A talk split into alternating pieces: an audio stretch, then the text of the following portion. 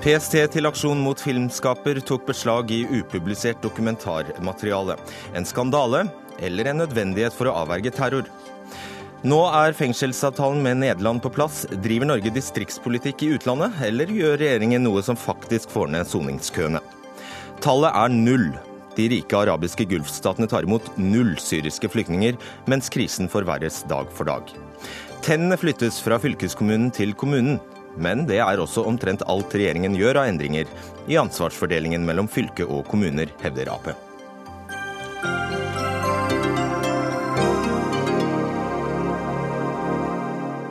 Riktig god kveld og velkommen til Dagsnytt 18, i studio Fredrik Solvang. Ja, Politiets sikkerhetstjeneste har beslaglagt flere filmfiler som tilhører filmskaper Ulrik Imtias Rolsen. Rolsen jobber for tiden eh, med en dokumentarfilm om islamisten Ubaydullah Hussain. Hussain var på vei til Göteborg sammen med en 18 år gammel gutt, som ble pågrepet av PST tidligere i dag, siktet for å ville slutte seg til terrorgruppa IS i Syria. En skandale, sier generalsekretær i Norsk Presseforbund. Og vi kommer til eh, Norsk Presseforbund, men først til deg, Rolsen. Hva skjedde? Uh, ja. Politiet kom så vant, holdt jeg på å si. Uh, de, de, kom hjem til meg og presenterte en, en kjennelse. Og det var ikke tvil om at de hadde makt bak krava, og de kunne gå inn og hente hva de ville hos meg. Og hva tok de? De tok masse videofiler som jeg har på mine harddisker. Og hvem er denne 18-åringen? Det vet jeg ikke, for å være helt ærlig. Vi eh, hadde ikke noen kunnskap om han før vi, eh, han dukket opp på opptakene. Eller min journalist visste ikke noe om han, og jeg visste ikke noe om han heller. Og da er det slik at dere, ikke du, men teamet ditt har vært i Gøteborg og filmet, og på det materialet så dukker altså denne 18-åringen opp. Mm. Hvordan reagerte du på eh, besøket? Jeg ble litt sjokkert. Eh, først så ble jeg nummen og sjokkert og visste ikke helt hvordan jeg skulle takle det. det. det. er litt sånn voldsomt når politiet kommer hjem til deg på den måten. Jeg er ikke så barka at jeg er vant til det. Eh, jeg tror ikke de ville gjort det i denne redaksjonen eller i, hos VG eller Aftenposten. Jeg tror de ikke hadde turt. Jeg tror de brukte muligheten fordi jeg er aleine. Hva sa de til deg? De sa at eh, de la fram en kjennelse. De eh, viste fram et ark med ransakelsesordre etc. og eh, sa at jeg hadde ikke noe valg. Sa de hva det var de var på spesifikk jakt etter? De sa at de var på jakt etter opptak av denne gutten, og spurte om jeg hadde det. Og, eller de sa at de visste at jeg hadde det, sa de, og, og krevde å få de opptakene. Hm. Anine Kjærulf, jurist. Dette, høres dette lovlig ut? Det er jo veldig problematisk eh, i det hele tatt eh, å ransake redaksjonslokaler. Nå er jo ikke det det er snakk om her, men, men måten eh, Rolsen jobber på, minner jo om måten journalister jobber på. Sånn at mange av de samme hensynene vil jo her gjøre seg gjeldende. Og det å ta beslag i upublisert materiale som inneholder kildevernede opplysninger, det er problematisk både i forhold til Grunnloven og i forhold til menneskerettighetene. I denne saken får man jo muligens også en problematikk Eh, som gjelder forhåndssensur. Eh, det vet ikke ennå om, om, dette si, vil bli til en film, eller om, om, eh, materialet blir behandlet på en sånn måte at det ikke kan bli den samme filmen. I, i tilfelle så jo, er jo dette i realiteten iallfall en forhåndssensur, uansett hva politiet har ment å gjøre. Det er jo svært problematisk. Men ikke nødvendigvis, slik jeg hører deg nå, ikke nødvendigvis direkte ulovlig? Eh, det skal veldig mye til for at det skal være lovlig. Det må jo være en eh, overhengende og konkret fare for at et, et mye viktigere samfunnsgode eh, går tapt, f.eks. liv og helse. Og det kan ikke bare være en, en, litt abstrakt, fjern mistanke om at noe sånt skal skje. Man må ha konkrete holdepunkter for at dette er helt nødvendig for å avverge noe sånt, eller iallfall for at ikke hele etterforskningen skal gå i stå. At det er ganske strenge krav som stilles til dette. Og det som er problemet i denne type saker særlig, det er jo at det er ikke gitt at vi får innsyn i disse grunnene heller, fordi eh, PST jo selvfølgelig må kunne holde enkelte ting eh, skjult for offentligheten. Eh, dermed blir det veldig vanskelig for oss å ettergå dette materialet. Det vil igjen ha en såkalt chilling effekt ikke bare i denne saken, men også i andre saker. Altså en nedkjølende effekt på hvordan andre potensielle kilder forholder seg til andre potensielle journalister og filmskapere. Det er jo en rekke mennesker i dette landet, eh, kanskje ikke av, av så ytterliggående art som denne filmen høres ut som den dreier seg om, men, men, det er jo en rekke mennesker i dette landet som ikke tør å ytre seg av ulike grunner, men som kunne tenke seg å gjøre det hvis de kan gå til, gå til journalister eller til pressen eller til andre anonymt og få frem sin historie. Den type historie vil vi som offentlighet bli snytt for hvis de blir redd for å uttale seg av denne grunn. Og Det var egentlig stikkordet jeg trengte for å komme over på deg, Kjersti Løkken Stavrum, generalsekretær i Norsk Presseforbund. Du har allerede vært ute og kalt dette en eh, skandale. Ja, jeg, har sagt at dette er av de få tingene vi må kunne kalle sjokkerende. Eh, og, det at politiet går inn og tar med seg upublisert materiale, det er en veldig stor ting. Eh, det er en hendelse som er eh, ukjent og uhørt, egentlig, i Norge. Og vi, eh, vi kan altså ikke ha det sånn at politiet går inn, går til en filmskaper, en etablert dokumentarfilmskaper, og sier vi har rett, du har ikke noe du skulle ha sagt, vi tar med dette materialet. Hva hvis det kan avverge terror? Jo, eh, og det eh, er jo da det store spørsmålet. Hvilke prinsipper er det vi driver og tøyer i denne saken? Det vet vi altfor lite om, og jeg frykter at Anina har helt rett i at det er det ikke sikkert vi får vite noe om heller. Men grunnen til at vi protesterer eh, så kraftig i denne saken, er at vi har, et, vi har jo en paragraf 100 i dette landet som handler om ytringsfrihet. Retten til å motta informasjon, f.eks., og retten til å formidle det. Og vi har Eh, pressefrihet. Vi, vi, diskuterer jo, vi sammenligner oss jo med andre land og sier vi der er det ikke pressefrihet. F.eks. Eritrea, som har vært et land som har vært oppe i de siste dagene. De har ikke pressefrihet, ergo et land som ikke er bra. Men pressefrihet det hviler på kildevern. Og kildevernet kan ikke være bare litt. Kildevernet må nesten være absolutt. Eh, og vi trenger både å ha et absolutt kildevern, og vi trenger også å se at myndighetene har respekt for kildevernet. Og det syns jeg er hvis jeg skal bruke et litt nøytralt ord, fascinerende i denne saken, er jo hvor liten respekt de viser for det de faktisk har gjort. Her sitter vi tre personer og er relativt enige, øh, og det er ingen som forsvarer det som har skjedd. Ennå ingen som har vært framme nå og sagt dette var nødvendig. Og ingen skal si vi ikke prøvde. Vi har Nei. altså vært i kontakt med Politiets sikkerhetstjeneste og statsadvokaten. Ingen vil kommentere saken. Rolfsen, eh, tenker du også det samme, at, øh, at det er kildevernet ditt som brytes her? Ja, helt klart. Oi. Da skjedde det igjen! Ja. skjedde det. Ja, da ble jeg litt lavere. Hei. Jo, jeg tenker jo at, at, det er kildevernet, og jeg tenker at det er interessant. Jeg lager en film som handler om, om demokrati. Jeg, handler, jeg, lager en film som Jeg prøver å se litt på det større bildet da, når det gjelder Ubaydullah Hussain og Norges rolle, hvordan, de, hvordan Norge takler situasjonen med med folk som, som ham. Eh, og da eh, blir det veldig eh, interessant å bivåne et sånt evenement da, som politiet setter i stand her også. For det, griper jo rett inn i, filmens handling, på en måte. og Det syns jeg er veldig spennende. Og paradoksalt, kanskje?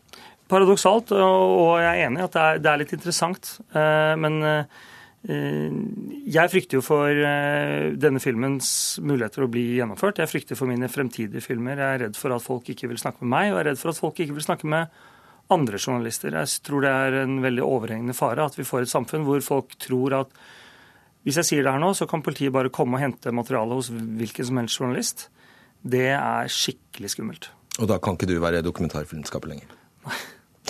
Kjerf? Ja. Det, ehm, det, eh, er jo eh, Rolfsens kildevern, som du sa, men, men, eh, men, vi må ikke gå oss vill i den formuleringen. fordi den, den er for, så vidt litt betegnende også for deler av politiets og påtalemyndighetens syn på kildevern, at det er noe som hører pressen til, eller eventuelt en enkelte journalist eller redaktør, eller til dels den enkelte kilde.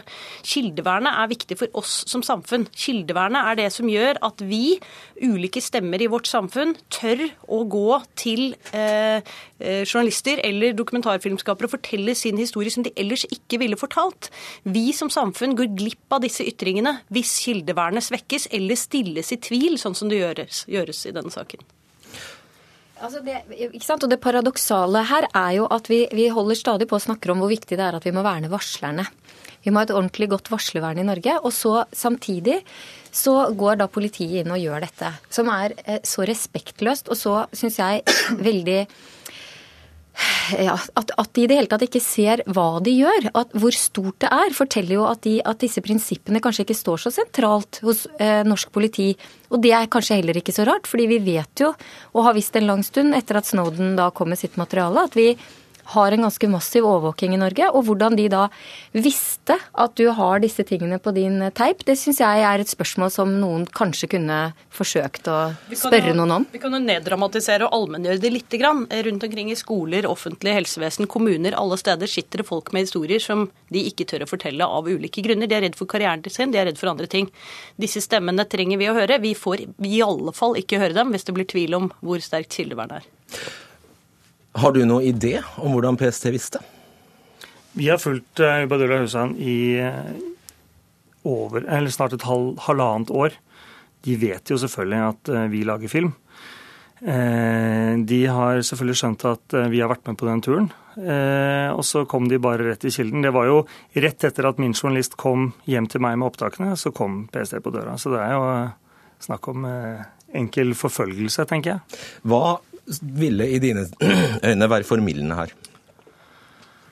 Uh, som du sier, hvis de, hvis de, kunne hindre en stor terroraksjon Jeg uh, tviler jo på at disse de, de, har jo arrestert fyren mange timer tidligere på, på dagen. Uh, dette hindrer jo ingenting. De, dette er bare at de er nysgjerrige. De vil gjerne ha noe mer på han. ikke sant?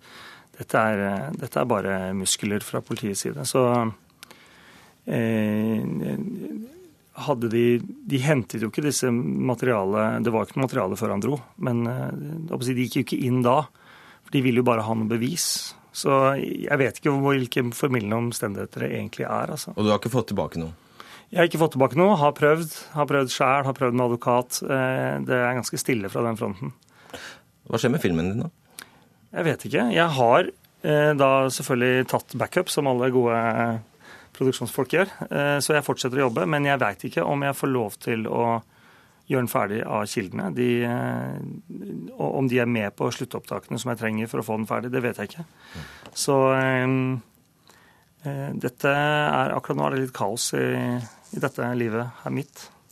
Det skjønner vi. Kjære Ulf, til slutt. Hva må PST gjøre for å overbevise her? De må jo iallfall eh, si hva de har behøvet dette materialet for, og eh, i hvilken grad de har søkt å begrense de skadevirkningene dette gjør i forhold til kilder. Hvis det, hvis det ligger i den eh, ransakelsesordren en begrensning for at de ikke skal ettergå noen andre kilder enn akkurat denne spesielle, som da igjen kan begrunnes med et eller annet veldig viktig etterforskningsskritt, at ellers så ville etterforskningen være, bli umuliggjort, og den interessen som er på den andre siden er er veldig tungtveiende. Et eller annet sånt måtte vi jo få. Eh, men det må være helt konkret, og, og eh, det må være mulig å, å ettergå den vurderingen for at dette skal være akseptabelt både rettslig, men også ikke minst for eh, den allmenne rettsfølelse. Nå beskriver jo Ulrik Rolsen hvor vanskelig dette har blitt for han, og hvor vanskelig det kommer til å være. Og grunnen til at vi andre reagerer, er at vi ser at dette ganges opp og gjelder da plutselig alle andre som driver med journalistisk virksomhet i Norge. Og Da gjentar vi bare nok en gang at PST og statsadvokaten ville ikke stille her i dag. Takk skal dere ha, Kjersti Løken Stavrum, Ulrik Imtias Rolfsen og Anine Kjærfolk.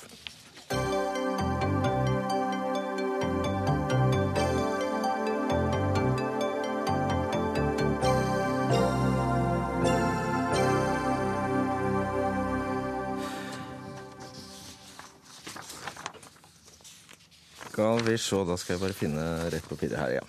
Fangeavtalen ingen egentlig ønsker, er på plass.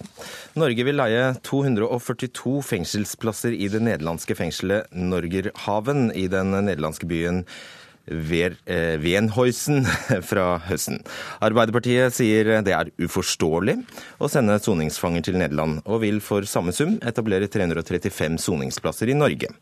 Vidar Brein Karlsen, du er statssekretær i eh, Justisdepartementet for Fremskrittspartiet, og dere sender altså penger ut av landet og investerer i et nederlandsk tettsted. Og for å sitere Hadia Tajik, eh, når ble det distriktspolitikk i utlandet som var en oppgave for oss? Nei, Det er jo et uh, tøvete spørsmål fra Hadia Tajik. ikke sant? Og Vi driver ikke distriktspolitikk, vi løser norske oppgaver. Vi har soningskø i Norge, den er på over 1100 personer. Uh, det gjør at uh, vi må ha veldig fulle fengsel, og dermed blir det vanskelig å få varetekt. I tillegg er det, Og det også får, gjør at vi får problemer med, med, at noen sitter for lenge på glattcelle. Og så har vi et tredje problem i kriminalomsorgen som gjelder et stort vedlikeholdsetterslep.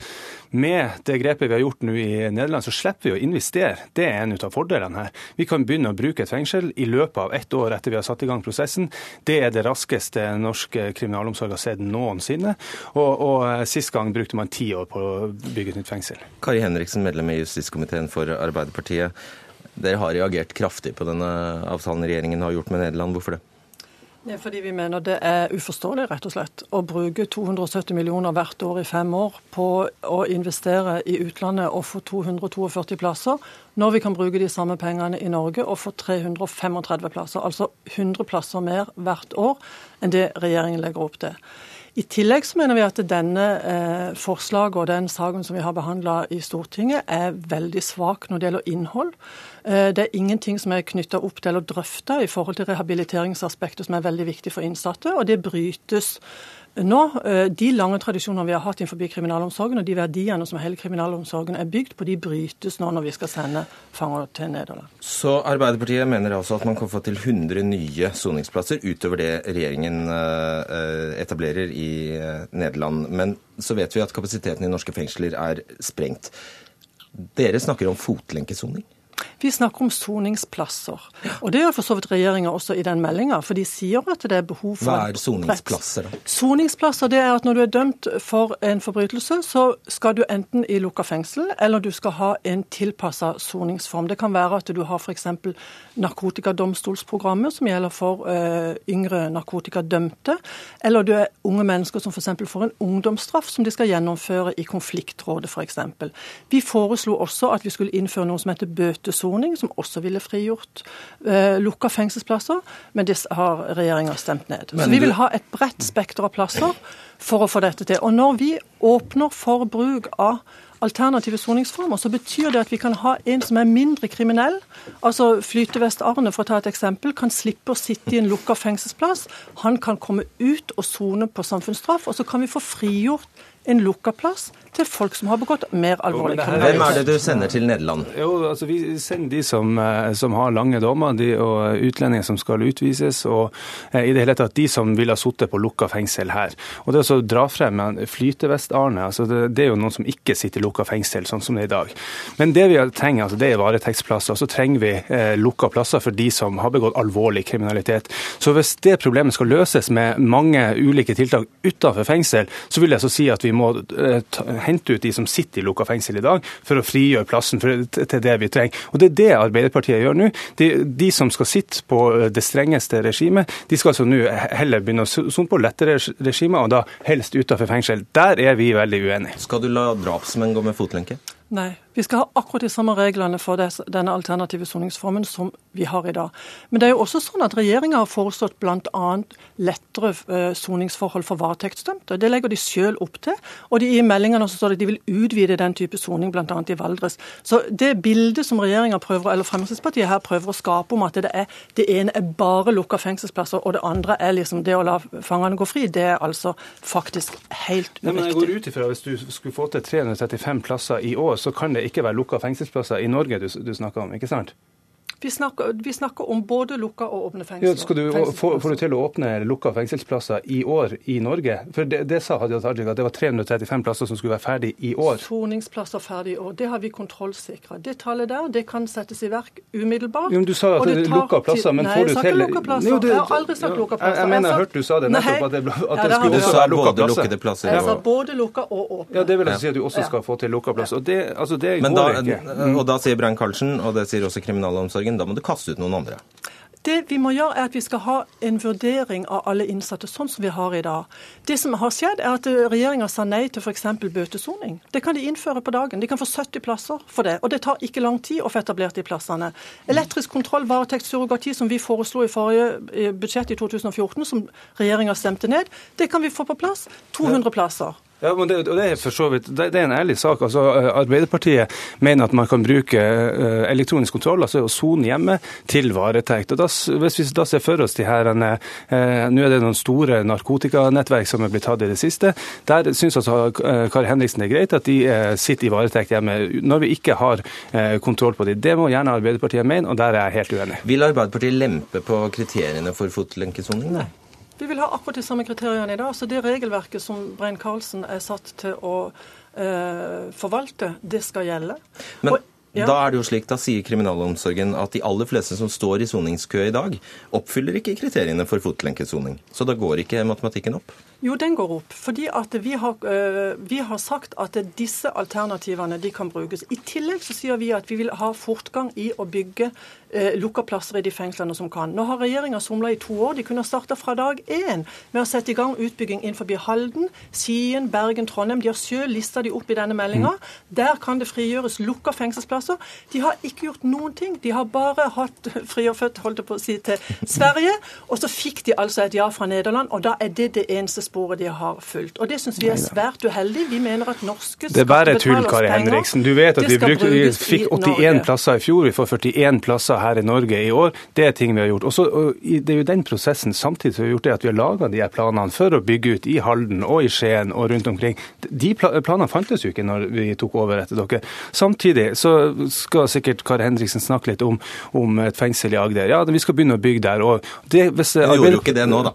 Hm? Hun gjorde jo ikke det nå. Nei, men, men, litt av poenget mitt er at hadde det vært noen ferdige vedtak som det har vært starta på i forrige periode, så har vi vært mye lengre i Norge. Og da har vi ikke trengt en avtale med Nederland. Gitt situasjonen som vi kom inn til, så er det veldig bra å, på ett og et halvt år å ha fått til en 242 eh, plasser i Nederland. Hvis vi først skal snakke om snøen som falt i fjor. Etter to år mm. med Stoltenberg i regjering, så hadde vi altså lagt penger på bordet til Halden fengsel. Og vi hadde fått soningskøen ned med 900 personer. Etter to år med Fremskrittspartiet i regjering er det ikke bevilga én en eneste krone før vi nå kommer etter to år. Da bevilger de 109 millioner i dette året til Nederland. Pluss at køen har økt med 100. Så det er det enkle regnestykket. Vi lar det være med det. Takk skal dere ha, Kari Henriksen og Vidar Brein Karlsen.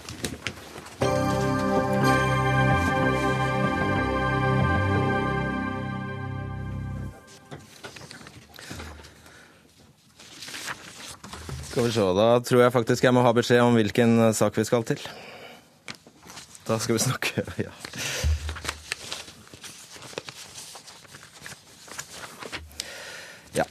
Mens vårt e- eget storting trolig bestemmer seg i morgen for hvor mange syriske overføringsflyktninger Norge skal ta imot, har de seks søkkrike gulfstatene Qatar, De forente arabiske emirater, Saudi-Arabia, Kuwait og Bahrain sagt ja til null syriske flyktninger. Mens nabolandene Tyrkia, Libanon, Jordan, Irak og Egypt huser mer enn tre millioner syrere, er det spesielt skammelig at gulfstatene ikke tar imot en eneste en, skrev Amnesty International i en rapport for en stund siden.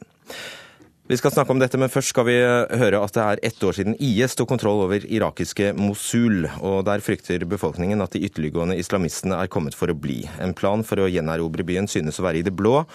For det var i Mosul at opprørsgruppa IS erklærte et islamsk kalifat etter en lynoffensiv 10.6 i fjor. Og nå, ett år senere, lever mange av byens innbyggere i frykt. Sigurd Falkenberg Mikkelsen, korrespondent for eh, NRK, du er i Bagdad. Hvordan er situasjonen ett år etter i Bagdad?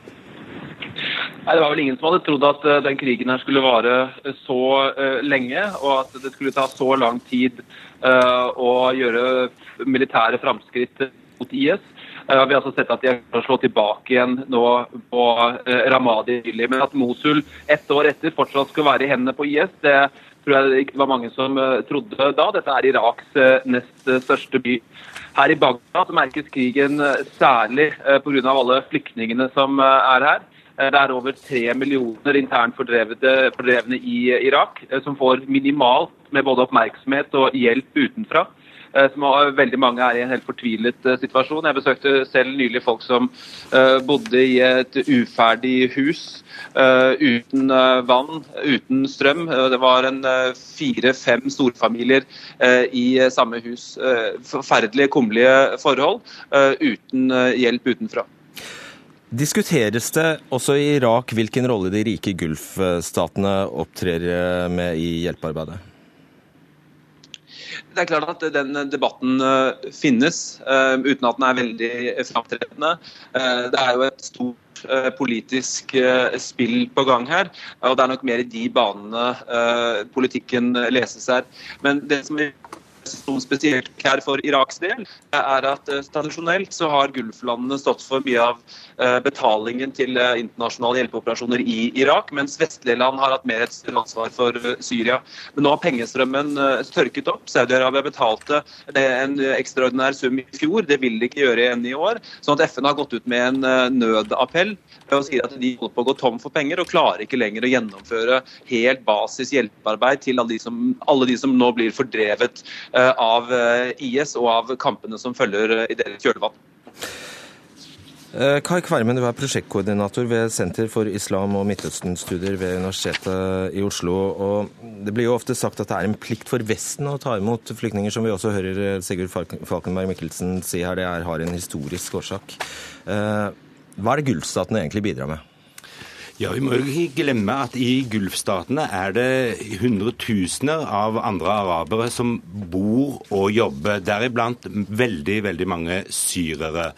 Eh, etter at konflikten brøt ut i Syria, så er det jo slik at veldig mange av disse har fått følge av sin familie. Som før hadde man en situasjon hvor, hvor mannen, brødre, jobbet i Gulfen, sendte pengene hjem til familien i Syria. Nå er det jo da slik at veldig mange av disse familiene har dratt etter å befinne seg der. Men de er ikke registrert som flyktninger hos FNs høykommissariat. Så det, er et sånn broget bilde. Og så er det jo riktig, som Falkenberg Mikkelsen var inne på her, at tradisjonelt så har det jo da vært slik at Gulfstatene, eller GCC-statene, har eh, betalt veldig mye av dette. Og i noen grad så gjør de jo det enda. Altså de betaler eh, Jordan, Libanon, og, og for så vidt også Tyrkia ganske store summer for å takle det syriske flyktningproblemet som de står overfor. Men de betaler seg mer eller mindre ut av problemene? Eller?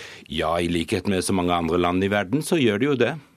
Men dette er jo land som har en kulturell og språklig tilknytning til, eh, til Syria og Irak eh, som, ikke, som, som er veldig sterk? Ja, det er vel en sannhet med ganske voldsomme modifikasjoner. Og hvis man ser på kartet, så er det jo slik at avstanden fra Damaskus til Riyadh er jo like lang som fra Damaskus og langt opp i Europa. Og veldig mange syrere vil nok føle seg for så vidt nærmere Europa enn det man gjør Saudi-Arabia og det styret man finner der. Så det, det er et sammensatt bilde. Så du syns ikke det ville være naturlig at Gulfstatene påtok seg en større byrde også når det gjelder overføringsflyktninger f.eks.? Det, det er veldig vanskelig for, for meg å, å, si, å, si, noe om. altså. Det, det, er ikke det jeg jobber med til daglig. Flyktninger, syriske flyktninger i, i, i Midtøsten. altså det, det, er det ikke. Men altså, på et generelt grunnlag så kan man jo selvfølgelig si at alle land i verden Gulflandene inkludert, eh, har et stort ansvar her. Men det er jo som jeg sier, at det, er allerede veldig mange syrere i Gulflandene som jobber der, og som har familien sin der, som blir forsørga av disse som jobber her. Og det, det, gjelder jo ikke bare syrere, det gjelder jo egyptere, libanesere, palestinere og, og det som fins. Gulflandene er jo altså Gulflandene er jo ikke på den måten velferdsstater. ikke sant? Det er jo omtrent umulig å bli statsborger i, i et av Gulflandene. Det er en helt annen type stat vi snakker om enn en de vestlige statene eller europeiske stater. da. Sigurd, en slik refs eh, som kom her fra Amnesty, gjør det noe, noe inntrykk i Gullstatene? Nei, På de som styrer eh, og steller der, så tror jeg ikke det. De eh, har sitt politiske system og føler seg ganske trygge på det. I hvert fall de som sitter med makten der. Men det er klart at for vanlige folk fra Midtøsten, så, så oppleves nok Gulflandene som Eh, de har et relativt anstrengt forhold for å si det sånn, til mange av Gulflandene, som de oppfatter som, som etter hvert ganske arrogante og også noen ganger egoistiske. Eh, men samtidig så er mange også avhengig av dem, som dere sier. Eh, det er mange som er der for å jobbe som gjestearbeidere, men de kan fort havne i trøbbel også hvis de, hvis de f.eks. ender opp som en politisk dissident eller, eller slike ting.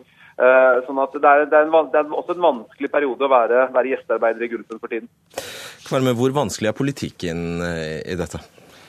Ja, Den er jo voldsomt vanskelig, fordi dette handler jo i etter hvert, dessverre, kanskje i liten grad om Syria eller Irak, for så vidt, men det har jo et langt større regionalt aspekt, som handler om en kamp der Gulfstatene med Saudi-Arabia i spissen er på den ene siden og Iran på den andre. Og det utspiller seg en kamp om, om et hegemoni i området, hvor man har sett i løpet av de siste årene, altså sett fra Gulfstatenes eh, synspunkt eller ståsted, så, så ser de en voldsom økning, og en til dels aggressiv økning, i Irans innflytelse, mens eh, iranerne ser på Gulflandene som være de som står bak spredningen av den type ideologi som IS eh, og Al Qaida følger. Så her er, det, her er Syria nærmest bare blitt en, en slagmark, dessverre, for denne eh, regionale kampen. Og Sigurd, helt til slutt. Da er det faktisk slik at Gulfstatene bidrar til å forlenge og forverre denne konflikten?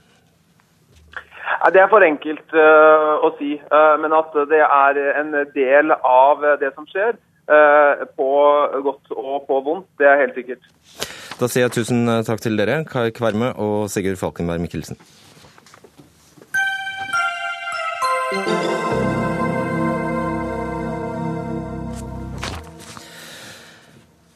Ja, nå skal tennene flyttes fra fylkeskommunen til kommunene. Men blir det friskere tenner og mer lokaldemokrati av å flytte oppgaven fra et forvaltningsnivå til et annet? Det skal vi snakke om nå, for temaet er Hold på hatten oppgavemeldingen fra regjeringen.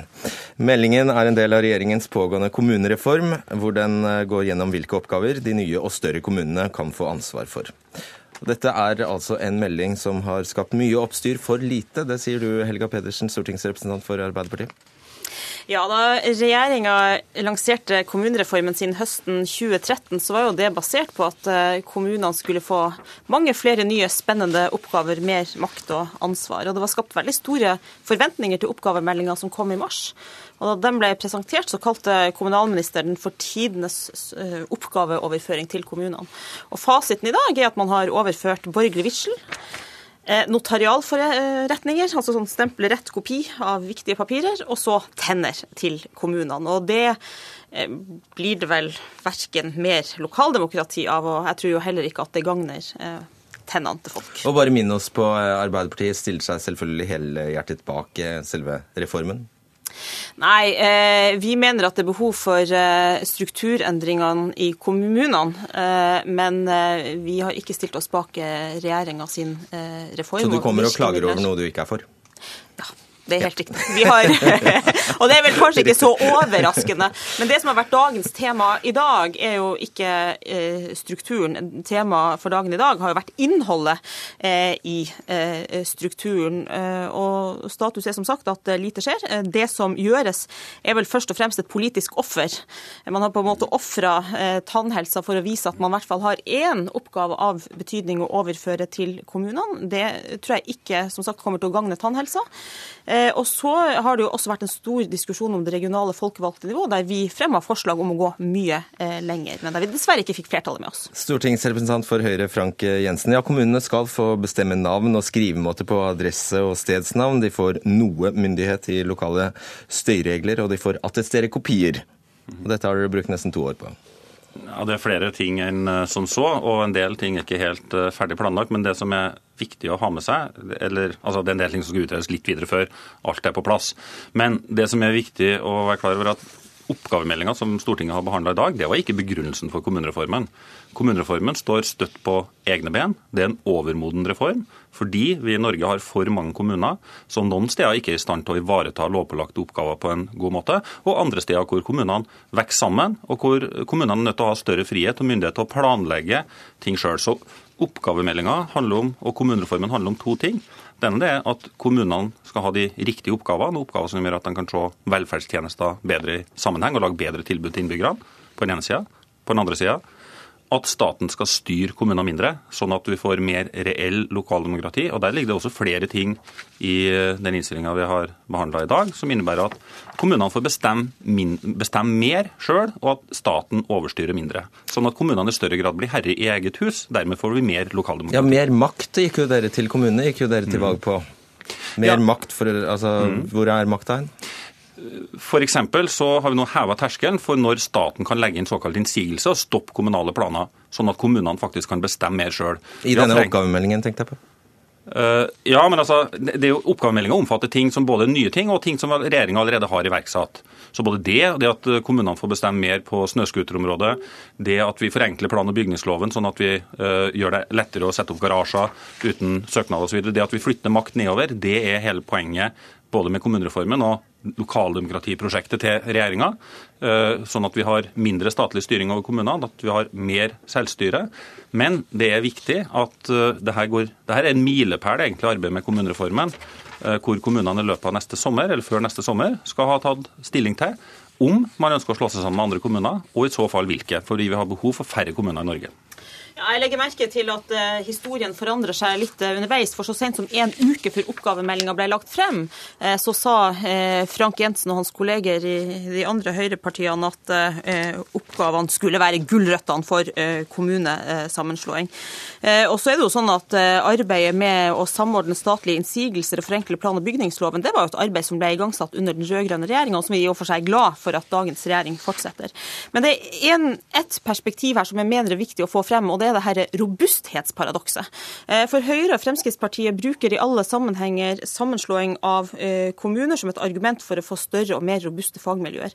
Samtidig så er resultatet av det vi har gjort i dag, eh, at dagens robuste fagmiljø på tannhelse, som finnes i 19 fylkeskommuner, nå skal fordeles på ja, potensielt 200-400 eh, kommuner. Det gir en oppsplitting av fagmiljøene. Eh, man har også åpna for at kollektivtrafikk og videregående opplæring skal kunne overføres fra fylkeskommunene til eh, større kommuner. Det gir en oppsplitting av fagmiljøene. Det høres ut som et poeng. Nei, det er riktig at mange kommuner har for små eh, fagmiljø og for sårbare fagmiljø eh, på mange tjenester i dag. Og Der er jeg glad for at Arbeiderpartiet for så vidt i dag også har vært tydelig på og sagt at de kommunene som ikke er i stand til sjøl å ta ansvar for egne lovpålagte oppgaver, de må også vurdere å slå seg sammen med andre kommuner. Det er vi hjertens enig i. Eh, og Det er derfor vi har satt i gang, blant annet derfor vi har satt i gang eh, kommunereformen. Vi er opptatt av at eh, kommunene skal ha riktig type tjenester og ha mulighet til å sette sammen gode velferdstjenester, gode helsetjenester. De aller fleste som bruker de fylkeskommunale tannhelsetjenestene i dag, er enten skolebarn, hvor kommunen har ansvaret for helsetilbudet til, eller eldre på sykehjem, som kommunen også har ansvaret for helsetilbudet til. Så vi mener at det er riktig at eh, kommunene, for å ta det eksempelet, kan eh, da få muligheten til å sy sammen bedre tjenester til sine innbyggere. Men eh, det er sånn at Arbeiderpartiet måtte underslår også litt grann, da, behovet for uh, å desentralisere makt og myndighet. I dag så har vi hatt en debatt hvor vi har fått kritikk fra Arbeiderpartiet dels for at vi oppgavemeldinga ikke betyr, betyr noe, og dels fordi at det vi faktisk gjør, er alvorlig og ikke bra. Mens de selv ikke har et eneste konkret og godt forslag til hvordan vi skal styrke kommunene. Vi mener i hvert fall at skal man endre på dagens organisering, så må det være begrunna i bedre tjenester til befolkninga. Og det er faktisk ikke de eh, forslagene som stortingsflertallet har eh, gitt sin eh, tilslutning til i dag. Og så har vi fremma mange forslag som bl.a. innebærer å styrke det regionale folkevalgte nivå. For det er også viktig at de får mulighet til å være reelle utviklingsaktører i de ulike delene av landet så, så, er det jo slik at uh, fylkeskommunene fremdeles eh, beholder videregående opplæring og kollektivtrafikk. Ja, men samtidig er det en åpning for at større kommuner kan overta nettopp de her oppgavene. Og Det vil jo for det første føre til mer, eh, et mer uoversiktlig offentlig organisasjonskart. Og vi vet jo allerede i dag at eh, mange har problemer med å skille mellom fylkesmann og fylkeskommune, mellom fylkeskommune og kommune. Og hvis du da i tillegg skal ha fylkeskommuner og kommuner med veldig mange forskjellige eh, oppgaver, så blir det her veldig uoversiktlig. Og det betyr også at stemmeretten i de ulike fylkene og i de ulike kommunene får ulik verdi, og det mener jeg faktisk et demokratisk Men, problem. Det vi, det vi, i hvert fall vet, er at i det her litt sånn kronglete og, og vanskelige organisasjonskartet vi har laga oss i Norge, så er det ett organ innbyggerne har et aktivt forhold til, så er det jo nettopp kommunen sin. Og Det er derfor vi ønsker å styrke kommunen og sørge for at kommunene har mulighet til å ta ansvar for flere oppgaver. Vi tror hvis en storby ønsker å lage et bedre kollektivtilbud, og se kollektivtilbudet bedre i sammenheng med bolig- og næringsutvikling i kommunen, så skal de ikke være nekta det. Arbeiderpartiet ønsker Hva å er igjen i fylk, til fylkeskommunen da, hvis du fjerner eh, videregående opplæring og, og, Ja, altså, hvis du eh, innenfor en, altså Nå skal vi ha en regionreform hvor vi skal få større fylkeskommuner. Hvis du innenfor et eh, stort fylke uh, lar én storby ta ansvar for uh, kollektivtransporten, så har jo resten av fylket fortsatt ansvar for kollektivtransporten og videregående opplæring og veiene. Uh, Så det er sånn at fylkeskommunene, og det er jo en Høyres, eh, Høyre ønsker jo egentlig å legge ned fylkeskommunene, men vi har blitt enige med KrF og Venstre når det ikke er flertall for vårt standpunkt, at nå viderefører vi regionnivået. Vi skal Så også putte inn nye oppgaver der. Nei, det er nettopp det det ikke er. Eh, Jeg tror det er vanskelig å, det er vanskelig å begrunne, eh, begrunne på den måten, og det har også våre samarbeidspartnere tatt sterk avstand fra i dag. De tror ikke at vi driver med det. Eh, Så vi driver ikke med noen sniknedleggelse. Eh, Derimot så er det kommet tydelig fram i debatten i Stortinget i dag at det Arbeiderpartiet ønsker, det er at man ønsker å drive en tvangssammenslåing eh, av fylkene her på Østlandet rundt Oslo.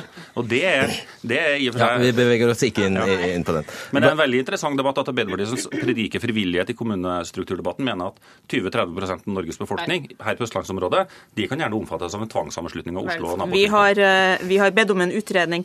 Eh, Frank Jensen sa selv i fjor høst at Høyre ville beholde fylkeskommunen, men tømme den for eh, oppgaver. Jeg tenker at Det er ikke noen tragedie om fylkeskommunen blir lagt ned, men det er veldig dumt hvis vi organiserer transporten på en sånn måte at bussen stopper på bygrensa, og at vi oppretter nye administrative grenser eh, der man jo burde se større områder eh, mer i sammenheng. Takk skal dere ha, Frank Jensen og Helga Pettersen.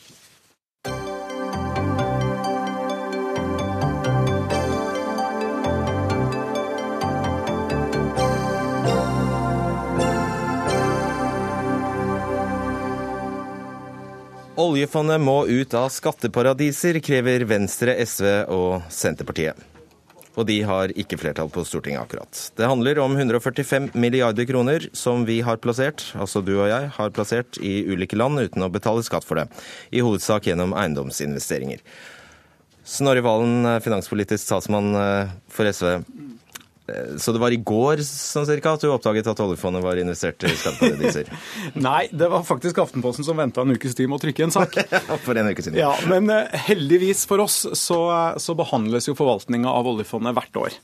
Eh, Og I behandlinga forrige uke så foreslo vi i SV sammen med Venstre og Senterpartiet at oljefondet bør trekke seg ut av skatteparadiser. For det er ikke bare sånn at oljefondet investerer i selskaper som benytter seg av skatteparadis, men man oppretter egne selskap der. Det er veldig uheldig. Det er tusenvis av milliarder av kroner som stikkes unna fra både fattige land og rike land. Det er penger som skulle gått til helsestell, til skole, til trygt politi, men som istedenfor gjemmes bort der. Og ved å plassere mer enn 140 milliarder kroner i slike jurisdiksjoner, så bidrar Norge til å legitimere den praksisen.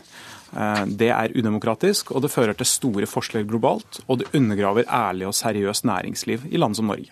Og Svein Flåtten, finanspolitisk statsmann i Høyre. Det er jo ingen som elsker eh, skatteparadiser, og eh, det høres ganske logisk ut at vi også bør trekke oss Når vi gjør sånne ting som å trekke oss ut av kull, så burde vi jo ikke være i skatteparadiser. Det er ingen som eh, ønsker at noen skal unndra skatt, men dette er litt mer nyansert enn det Snorre Valen fremstiller det som.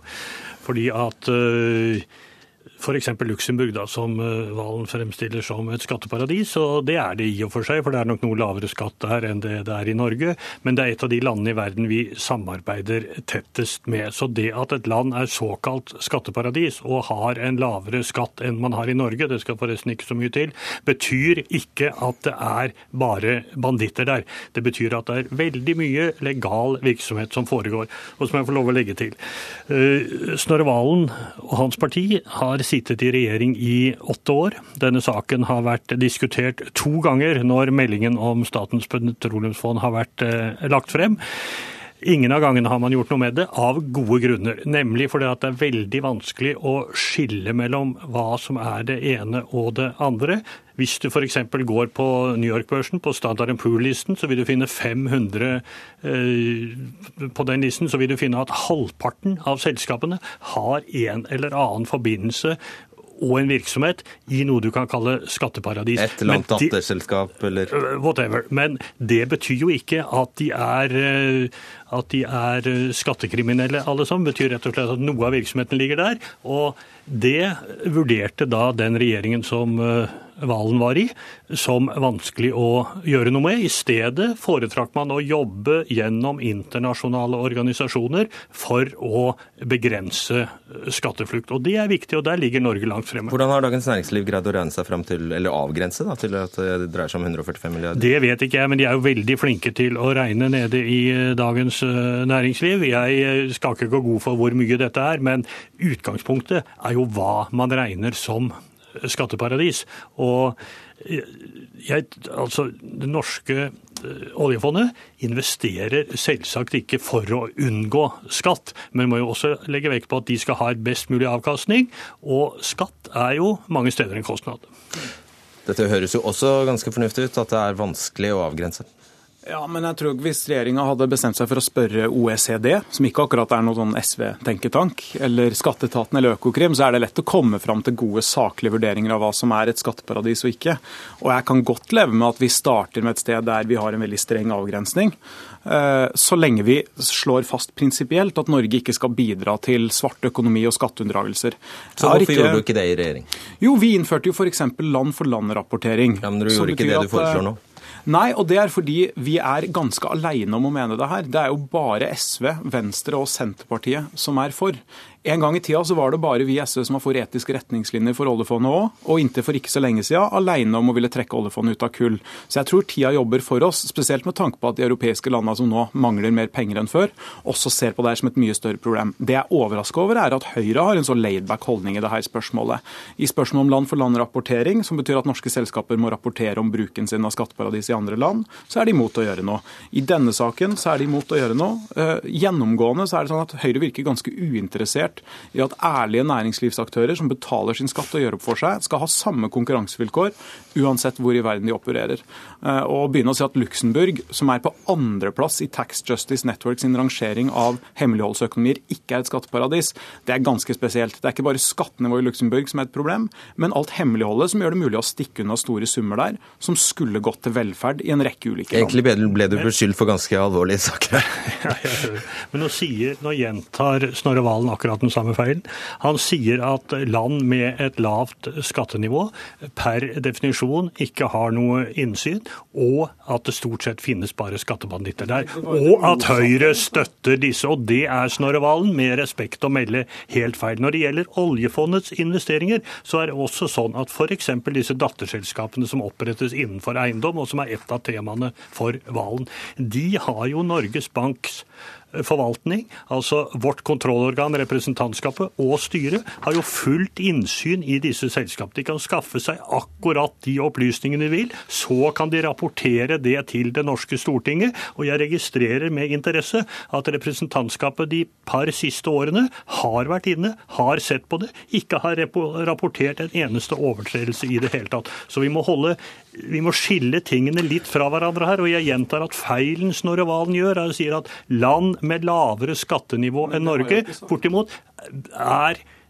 uten innsyn og bare Han sier vel egentlig at man kan begynne med å være veldig streng? Ja, altså det, det her er litt oppsiktsvekkende, altså. Fordi de aller fleste uh, utviklede land og fattige land er enige om at såkalte hemmeligholdsjurisdiksjoner, altså skatteparadis, er et stort problem både for forskjellsutvikling internasjonalt og mulighetene for et seriøst næringsliv. Men hva... Og at Høyre velger å gå inn i en konflikt om det, istedenfor å legge fram sine egne forslag til hva man skal gjøre for å bekjempe det problemet, det syns jeg er veldig spesielt. Det er ikke spesielt. Jeg er ikke den som trekker sinnelagsetikk inn i bildet her. Jeg har ikke sagt at alle som opererer i Luxembourg er banditter, men jeg har sagt at Norge, ved å opprette egne selskap der for å forvalte eiendommer som er i London og Paris, bidrar til å legitimere banditter. Det er helt åpenbart, og det er ikke bare SV som mener det, men et samla norsk sivilsamfunn som krever at vi trekker oss ut. Og det er ikke så veldig mange som skjønner hva dere snakker om nå heller. Men... Jo, det tror jeg absolutt at det er. For måten å bekjempe dette på er ikke at oljefondet går inn og gjør noe på sine enkelte investeringer. Er det ikke det?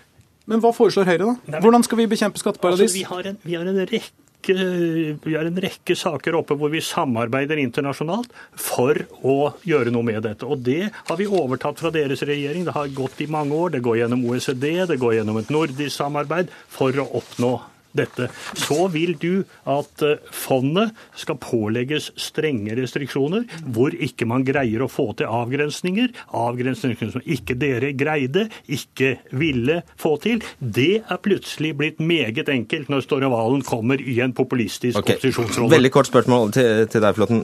Og du må svare kort. Fins det noe land du mener man absolutt ikke, oljefondet absolutt ikke burde investere i? Det finnes det helt sikkert, men jeg er ikke så god i geografi som Drillo Olsen, så jeg kan ikke si noe. Og Valen, dere gikk glipp av KrFs støtte fordi dere spesifikt nevnte Luxembourg og den amerikanske delstaten Delaware. Hvorfor det? Eh, det må du nesten spørre Kristelig Folkeparti om. Men de aller fleste andre enn Høyre og KrF er enige om at både Luxembourg og Delaware er skatteparadiser. Og dermed er det sylta ned hundrevis, om ikke tusenvis av milliarder av kroner i de her landene som skulle gått til velferd, og som skulle gått tilbake til skattebetalerne i land som har et ærlig skattenivå. Men dere fikk bare 26 av 169 stemmer. Sånn er det. Neste år. Vi får se. Snorre Valen og Svein Flåtten, takk skal dere ha.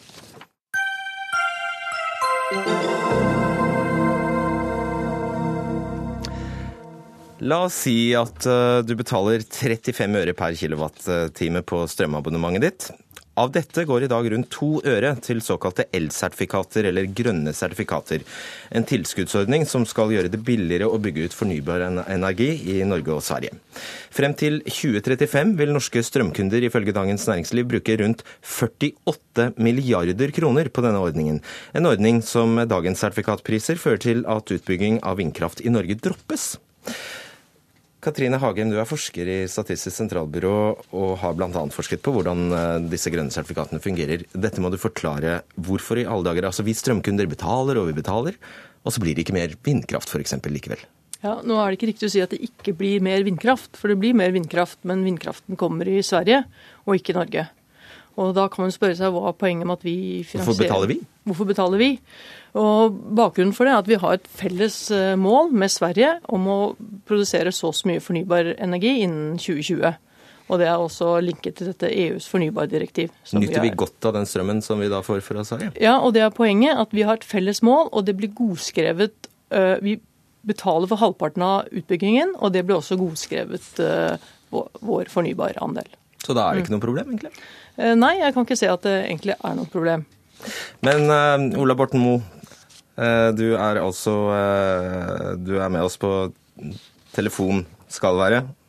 Ja da. Ja, Det er bra. Du er nestleder i Senterpartiet. Du er ikke enig i den konklusjonen. Du mener det er et problem?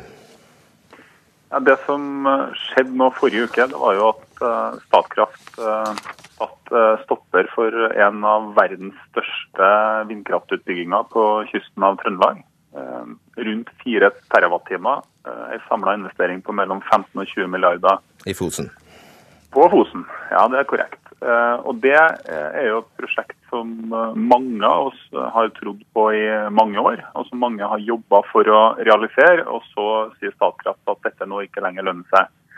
Isolert sett, altså hvis man legger til grunn at det er mange andre prosjekt som kan realiseres fram mot 2020, så trenger ikke det å være noe problem for Norges forpliktelser som sådan. Men jeg vil likevel stille spørsmålet. For nå er det kort tid fram mot 2020. Det skal bygges ut 26,5 TWh med ny fornybar energi. Jeg er ikke overbevist om at når dette enorme prosjektet ramler bort, at Norge vil være i stand til å nå våre fornybarforpliktelser. Det mener jeg i hvert fall er et spørsmål som må stilles. Og så er det en, to, to, ting til. og Det ene er jo at vi går glipp av en stor investering i vår egen økonomi. Vi trenger omstilling av norsk næringsliv og industri. Dette ville ha vært et sårt tiltrengt eh, prosjekt utenfor oljenæringa. Eh, og I tillegg så ville dette altså forbedra eh, norsk forsyningssikkerhet. Eh, både transport nord-sør i landet, men ikke minst sikra Midt-Norge eh, rikelig tilgang av kraft. Og det trenger man. Og arbeidsplasser, kanskje? Selvsagt, det ligger i mm. industriargumentet. Eh, vi skulle gjerne hatt med oss Statkraft, men eh, de hadde ikke anledning. Eh, vi er glad for å ha med deg, Oluf Ulseth. Oluf Olseth, du er administrerende direktør i Energi Norge, fornybarnæringens interesse- og arbeidsgiverorganisasjon, og organiserer bl.a. Statkraft. Hvorfor ville ikke Statkraft bygge ut på Fosen og Snillfjord? Det Statkraft sier, er jo at de ikke finner det markedsmessig fordi uh, de prisene som de observerer i forhold til sitt prosjekt, tilsier at det ikke er lønnsomt. Og Det er jo også sånn det skal være. at uh, Når bedrifter utvikler prosjekter, har investeringer og finner at det ikke er lønnsomt, ja, da skal de ikke investere. Men alle vi i fornybarnæringen beklager jo at ikke disse investeringene blir gjennomført. Det er klart det. og jeg er helt sikker på at de i Statkraft og alle de rundt Statkraft eh, og partnerne deres som har jobbet i mange år med dette, og brukt masse penger, flere hundre millioner kroner, på å utvikle prosjektene. Det er klart Alle de beklager at det ikke er et grunnlag for å kunne gå videre med de prosjektene. Og Der er jeg helt enig med Ola Borten Moe. Det er veldig synd at vi ikke ser flere prosjekter i Norge, og at vi ikke har sett det hittil. Når vi ser på tallene nå, så Én ting er målet på 26 TWh, men eh, så langt så det viser er at eh, de prosjektene som er investert eller på en måte i gang og bygges, det utgjør 17 TWh. Og da er 13 av de i Sverige.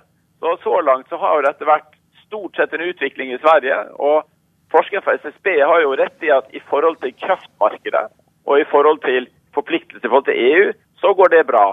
Men det er klart vi gjerne skulle sett den verdiskapingen i Norge. Og vi skulle gjerne sett mer vindkraft også i Norge. Mm. Så her er det eh, eh, Og vi tror jo at det er flere prosjekter. Det er flere muligheter. Eh, og noe av diskusjonen har jo gått også på rammebetingelser ja. mellom Norge og Sverige. Og Der er vi jo glad for at Stortinget nå med et flertall på regjeringsinitiativ nå har justert avskrivningssatser, så det er mindre forskjell enn det det var før. Så Katrine Hagem, vi hører her at de beklager og de beklager. Men så sier du det er som det skal være? Ja, altså det er Hele poenget med å ha et felles sertifikatmarked er jo at utbyggingen skal skje der det er billigst. Ellers så trengte vi ikke ha dette markedet med Sverige. Da kunne vi hatt et eget mål. Og vi slipper jo faktisk den store miljøbelastningen det også er å ha disse styggemassene i naturen. Ja, det er et viktig poeng. Det er jo naturinngripelse å, å sette opp disse mastene. Ikke bare der mastene er, men også linjene, transportlinjene for strømmen. Så det, altså det, er Stortinget som har vedtatt denne ordningen, selvfølgelig. Kan Stortinget ha tenkt på noe annet enn strømforsyningen? Kan de ha ønsket industri... Ja, jeg vil ikke uttale meg om eh, sånn vikarierende motiver. Da, hvis vi måtte ha det. Ut, utgangspunktet for dette prosjektet, for dette markedet, er at vi skal få frem de beste prosjektene. Uh, og det er jo hele poenget, at du skal ha frem mye ny kraft. Og vi mener at de naturmessige forutsetningene i Norge er veldig gode både for vann og vindkraft. Så Mye av denne diskusjonen har også havnet om de fiskale rammebetingelsene for hvordan du kan få frem nye prosjekter. Okay, Borten Moe, det, eh, det var jo faktisk du som ga Statkraft konsesjon i utgangspunktet? Ja, og det var jo fordi at uh, min vurdering var at uh, Statkraft var den aktøren i Norge som uh, var best skodd til å trekke denne type prosjekt frem til investering og frem til gjennomføring. Og det har Angrer du deg? Vært, nei, det har jo også Stortinget ment siden. altså Det er jo ikke mer enn noen måneder siden man fikk 10 milliarder av fellesskapet altså av meg og deg for å gjennomføre bl.a. dette prosjektet. Og Så kan det jo se ut nå som at det var en feilvurdering. Jeg vil veldig gjerne si at det er flere grunner til at vi skal bygge ut fornybar energi i Norge. Og det er veldig eh, merkelig å tenke at vi ikke skulle klare det uten at det vises i norsk natur. Det vil det selvsagt gjøre i form av kraftverk og linjer, sånn som det alltid har gjort. Men det er en avveining. Og vi har også fornybarmål å nå, og vi trenger også en grønn omstilling av det norske samfunnet. og Da trenger man fornybar energi. Men la meg da bare avslutte med å si at hvis det nå finnes andre aktører som, kan eh, vurdere, som kanskje vurderer det her annerledes enn Statkraft, så har Statkraft nå fått disse rettighetene på vegne av samfunnet. Det er viktig for samfunnet at dette gjennomføres. Og da forutsetter jeg egentlig at Statkraft stiller det her, Det her Du gir fra seg konsesjoner, rett og slett? Ja, Hvis det er andre som nå, eh, industrielle aktører, norske eller utenlandske, ja. som kan tenke seg å gjennomføre dette prosjektet, så må andre nå Jeg må knipe deg her og si at vår sending er over. Ansvarlig for den var Alf Hartgen. I teknikken satt Finn Lie, og jeg heter Fredrik Solvang.